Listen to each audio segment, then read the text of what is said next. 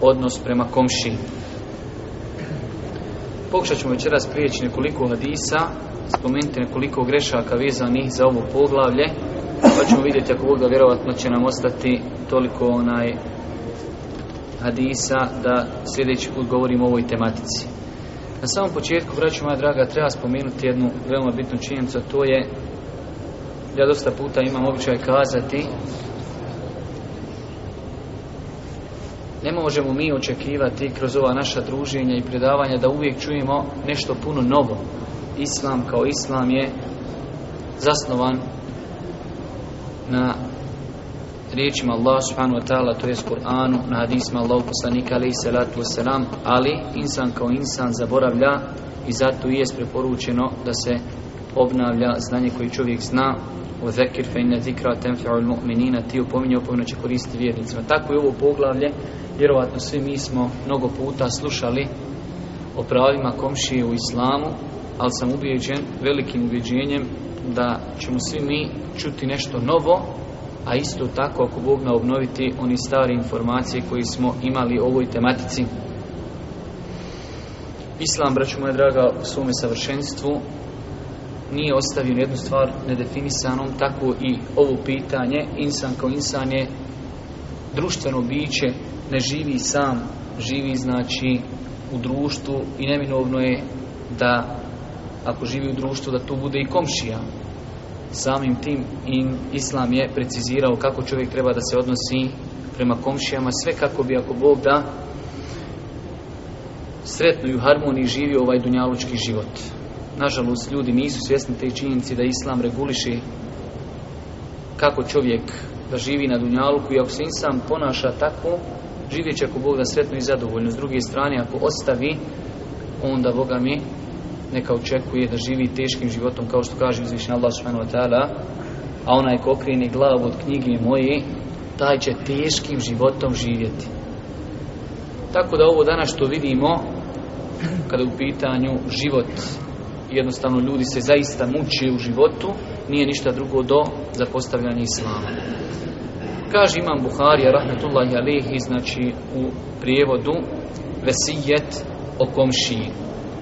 U tom poglavlju nam citira hadis poznati hadis Aisha radijallahu ta'ala anha da je kazao Allah poslanik alihi salatu wasalam nije prestao Džibril da mi oporučuje dobročinstvo prema komši toliko znači je ponavljao i nije prestao da to ponavlja da sam pomislio da će on komši učiniti da će biti komši jedan od nasljednika ovaj hadis je vjerodostojan nosi u sebi vraću moja draga mnoge koristi pogledajte ovdje sam ovaj izraz ma zale Džibrilu. Zato ovaj hadis malo, znači, bi se mogla napraviti korekcija u njegovom prijevodu.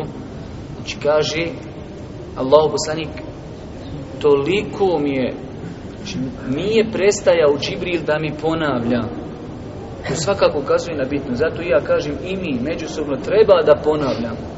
Kada je Džibril ponavljao Božijem poslaniku, onda i mi, braću moja draga, ne treba nikada da kažemo, znamo, slušali smo, čuli smo, već treba da obnavljamo informacije koji znamo, jer Boži poslanik kaže, nije prestao Džibril da mi to ponavlja, zbog bitnosti te tematike.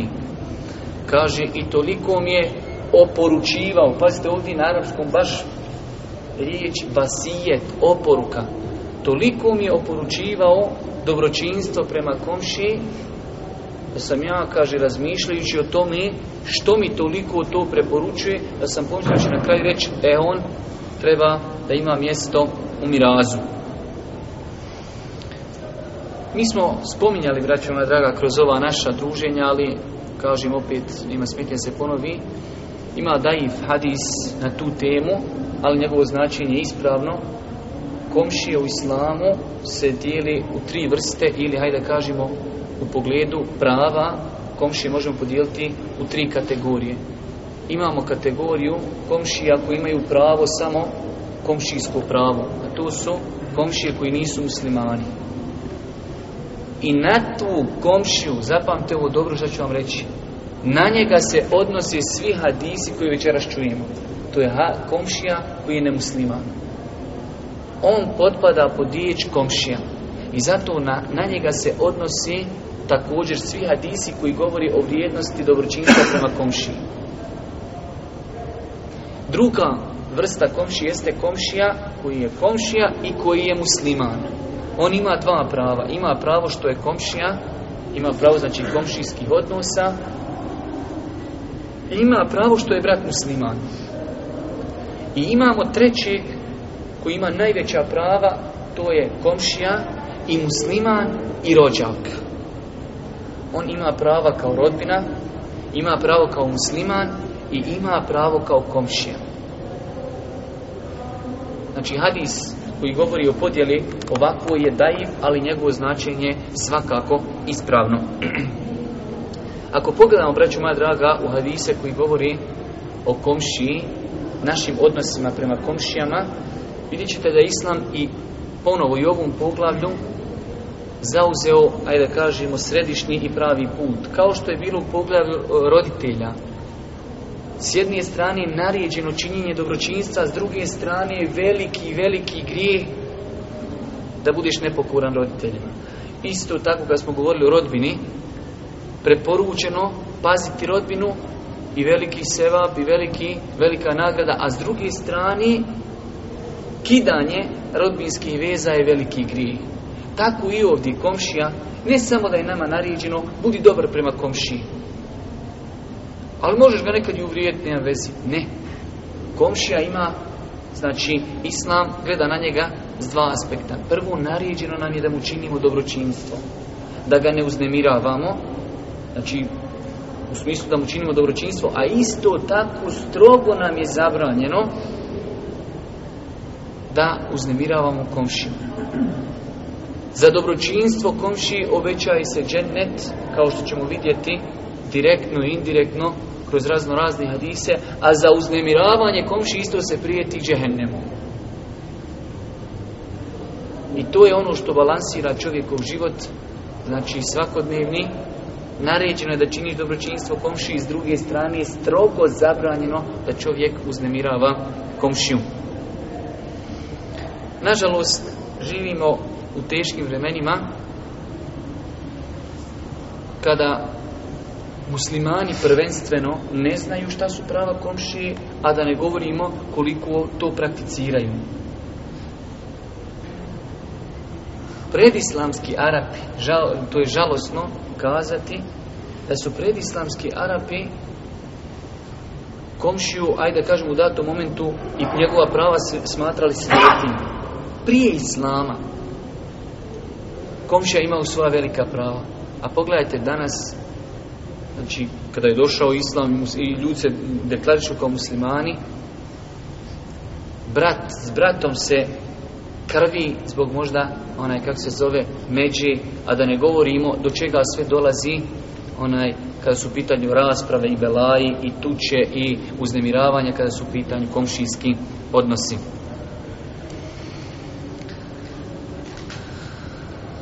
Zato ako želimo, braću moja draga, ispuniti ovaj vesijet kojeg je preporučio Džibril Božijem poslaniku, jer on kaže toliko mi je oporučivao, toliko mi je poruku ostavljao, onda treba da se podučimo pravima komši i da podučimo se šta to sve ne trebamo činiti. Zato ćemo mi danas, ako stignemo, početi govoriti o greškama koje su prisutne u životu našim, kada je u pitanju naša relacija sa komšinom, pa ćete vidjeti dosta stvari, Bogam, kad se spomenu, uf, pa zar je i tu, pa zar je i tu. Mnogo toga što čovjek ne pomisli da je zabranjeno i da je uznemiravanje komši, ono jeste. Drugi hadis kojeg imam Buharija spomenu u ovom poglavlju, jeste hadis koji, braću moja draga, svakako zauzima jedno veliko mjesto u islamu, Ebu Šurejh el-Huza'i prenosi da je Allah poslanik alaih salatu wasalam kazao ko vjeruje u Allaha i sudnji dan neka pazi svoga komšiju. Možda bi se mol, moglo malo još preciznije prevesti neka čini dobročinstvo svome komšiju. Ko vjeruje u Allaha i sudnji dan neka čini dobročinstvo svome komšiju.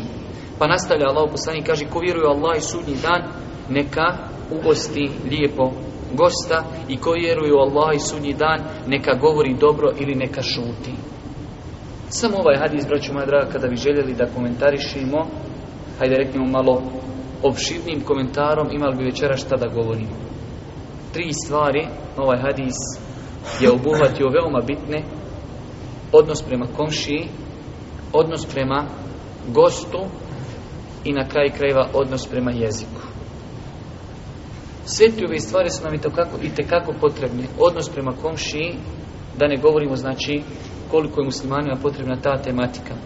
Odnos prema gostima, ja sam namjerno odgodio govor o gostu zato što će nam doći poslije poglavlje o gostima, inače i to poglavlje, vraću moja draga, nam je i tekako potrebno i zapostavljeno. Prvo, dosta puta nam se dešava i u ovoj džami i na drugim mnogim mjestima da ljudi dolazi, nemaju gdje biti, a nažalost su toliko ljudi, toliko uklanjača, toliko braće muslimana koji imaju stanove, ugodne kuće, ljudi moraju otići u hotel i moraju se pribijati tamo negdje po nekim barakama, znači nemaju kod koga otići na konak. Izgubili smo taj osjećaj da se natječemo kada je u pitanju gosti.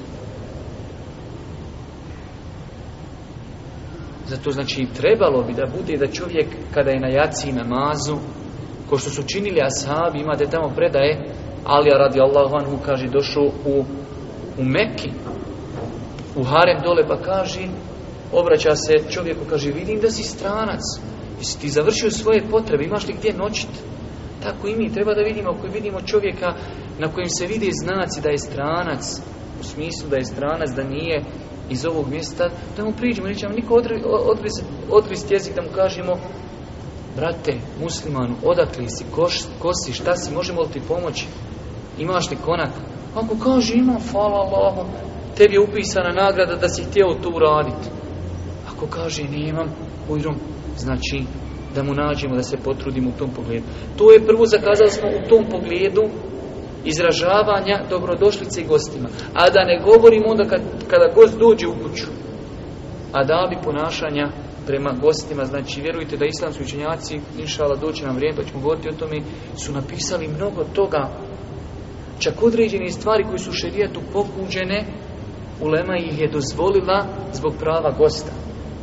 Pa primjer radi, pokuđeno je da čovjek bez neki bitni razloga poslijacije sjedi Ali kažu učenjaci, ako ti dođe gost, sjedi sa njim, razgovaraj, pa makar to bilo i poslijaci. Pokuđeno je se prenajest. Ali kaže, ako dođu gosti, i ti si završio, gost još jedi. I ti ako se odmakneš, i gostu je nezgodno, i on će se odmakniti. Kažu, nije veze, polako jedi, makar se malo i prenajeo, jedi zbog njega. I mnoge druge stvari. Tamo imate kuranske ajeto, Ibrahimu, alaihi salatu, veselam, kako je on svoje goste dočinkom odeš, kaže, pa se izvukao, kaže, da je ne primijeti uopšte, pa je donio tele. Prvi put vidi ljude, odma tele zaklju. Pa im ga on donosi svojim rukama. Ne kaže, go, slugi, odi vamo, de ti, ne, ne. Pa ne kaže njima, de se primaknite već. Do njih on donosi sofru. I tako imate mnoge stvari koje su islamski učinjaci spomenuli u pogledu ugošćavanja gosta. Kaže, inšala, govorit ćemo o tome kada dođe vrijeme se vraćamo ovom hadisu gdje Allah poslani kaže ko vjeruje u Allaha i sudnji dan ovo je čak u jednu ruku vid zastrašivanja braću moja draga čovjek sebe prispa pa da li ja vjerujem u Allaha i sudnji dan istinski ako ja ne pazim svoga gosta ako ja nisam dobar prema komši zato ja kažem više puta sam to ponavljao kada dođu neki ljudi koji gdje god da dođu su nepoželjni zbog svog ponašanja, a želije da se nametnu kao neki sljedbenici sunneta, vjerujte da tu stvari neštimaju. Boži poslani kaže najpotpunijeg imana su oni koji su najljepši ponašanja. Najpotpunijeg imana su oni koji su najljepši ponašanja. I dođe čovjek, gdje god dođe, u njegovom komšilu kupitaš za njega, ne, nije prihvaćen, ljudi ga ne voli. Pitaš njegovu rodbinu, ljudi ga ne voli. Pitaš njegovu, njegove roditelje, ljudi ga ne voli. Ne, nisu zadovoljni njegovim ahlakom. Pitaš njegovu porodicu, njegovu suprugu, njegovu djecu, nezadovoljni sa njim njegovim ponašanjem. I on dođe vamo negdje i kao on slijedi sunnet. Te dvije stvari, braću moja draga, ne mogu zajedni. Boži poslanik nam je dao ovdje način kako da se prispitamo. Kaže, najpotpunijeg imana su oni sa najljepšim ponašanjem. Zato kažem, ovakav način izražavanja, ko vjeruju Allaha i sudnji dan, je u jednu ruku zastrašivanje.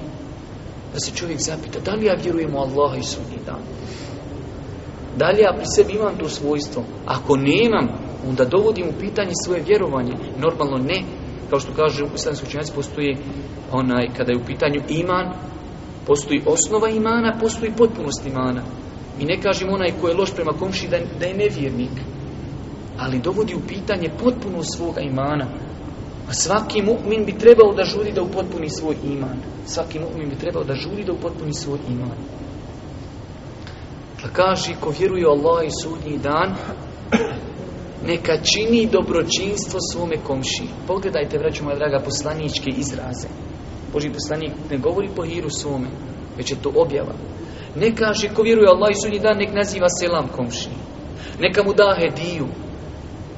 Neka ga ne vrijeđa. Ne. Došao je sa izrazom koji to sve obuhvata. Fel juhsin ila džarihi. Ko vjeruje Allah i sunji dan, neka čini dobročinstvo komši. Svaki vid potpada pod ovaj pojam tako je taj izraz kada učenjaci kažu šta je to ihsan, dobročinstvo, svaki vid znači dobrog djela prema komši. Ko vjeruje Allah i sudnji dan, neka pazi na svoga gosta. Ko vjeruje Allah i sudnji dan, neka govori dobro ili neka šuti. Ovaj hadis nas vraću, moja draga, u jednu ruku, indirektno, postići na ilm i na znanje. Pazite, kaže Allah poslanik, ko vjeruje Allah i sudnji dan, neka govori dobro ili neka šuti. Kako znati šta je dobro, a šta zlo? Osim ilmom i znanjem. Zato kada vidite tamo one ljude koji psuju, vrijeđaju, to je dokaz njihovog neznanja.